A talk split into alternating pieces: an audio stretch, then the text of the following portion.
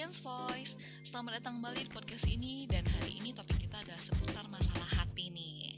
Tentang move on yang sering dituntut ketika seseorang baru saja menyudahi hubungannya. Banyak orang yang bilang kalau dia udah move on dari hubungannya. Tapi pakai acara ngeblokir nomor atau medsos si mantan. Atau mungkin sebaliknya masih pengen tahu banget nih mantannya ngapain aja. Jadi sebenarnya move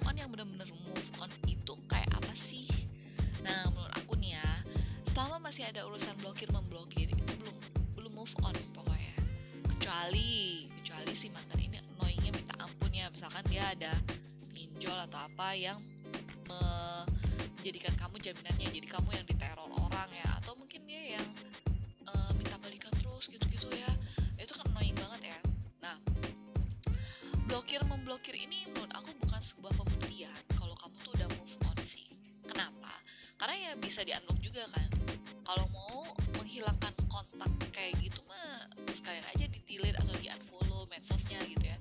Jadi suatu hari ketika si mantan kontak kamu, ya kamu juga nggak ada perasaan apa apa lagi.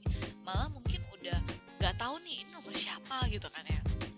Nah, jadi kalau emang mau move on ya sampai ke akar-akarnya, jangan setengah-setengah gitu susah emang kalau emang mau move on gitu ya tapi kalau setengah-setengah mah bukan solusi juga justru blok-blokan itu menurut aku makin susah move onnya sih karena kita dari yang setiap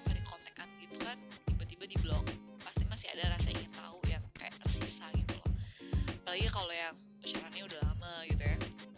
Nah dan move on yang sebenarnya itu adalah bener-bener gak ada perasaan apa pun lagi dengan si dia gitu loh. Jadi ketika si dia mungkin one day dia ngajak balikan ya kayak rasanya hambar aja gitu. Bahkan lebih hambar dibandingkan ada orang asing yang sedang mendekat gitu loh.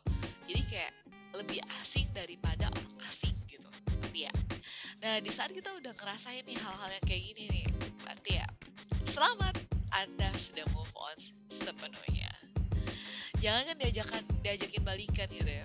Ketika si doi tiba-tiba chat atau mungkin nggak sengaja nih ketemu gitu ya itu pun rasanya kayak bener-bener kayak orang numpang lewat aja gitu. Ya say hi udah gitu lewat gitu kan. Nah nggak bakalan dilirik lebih lanjut juga gitu.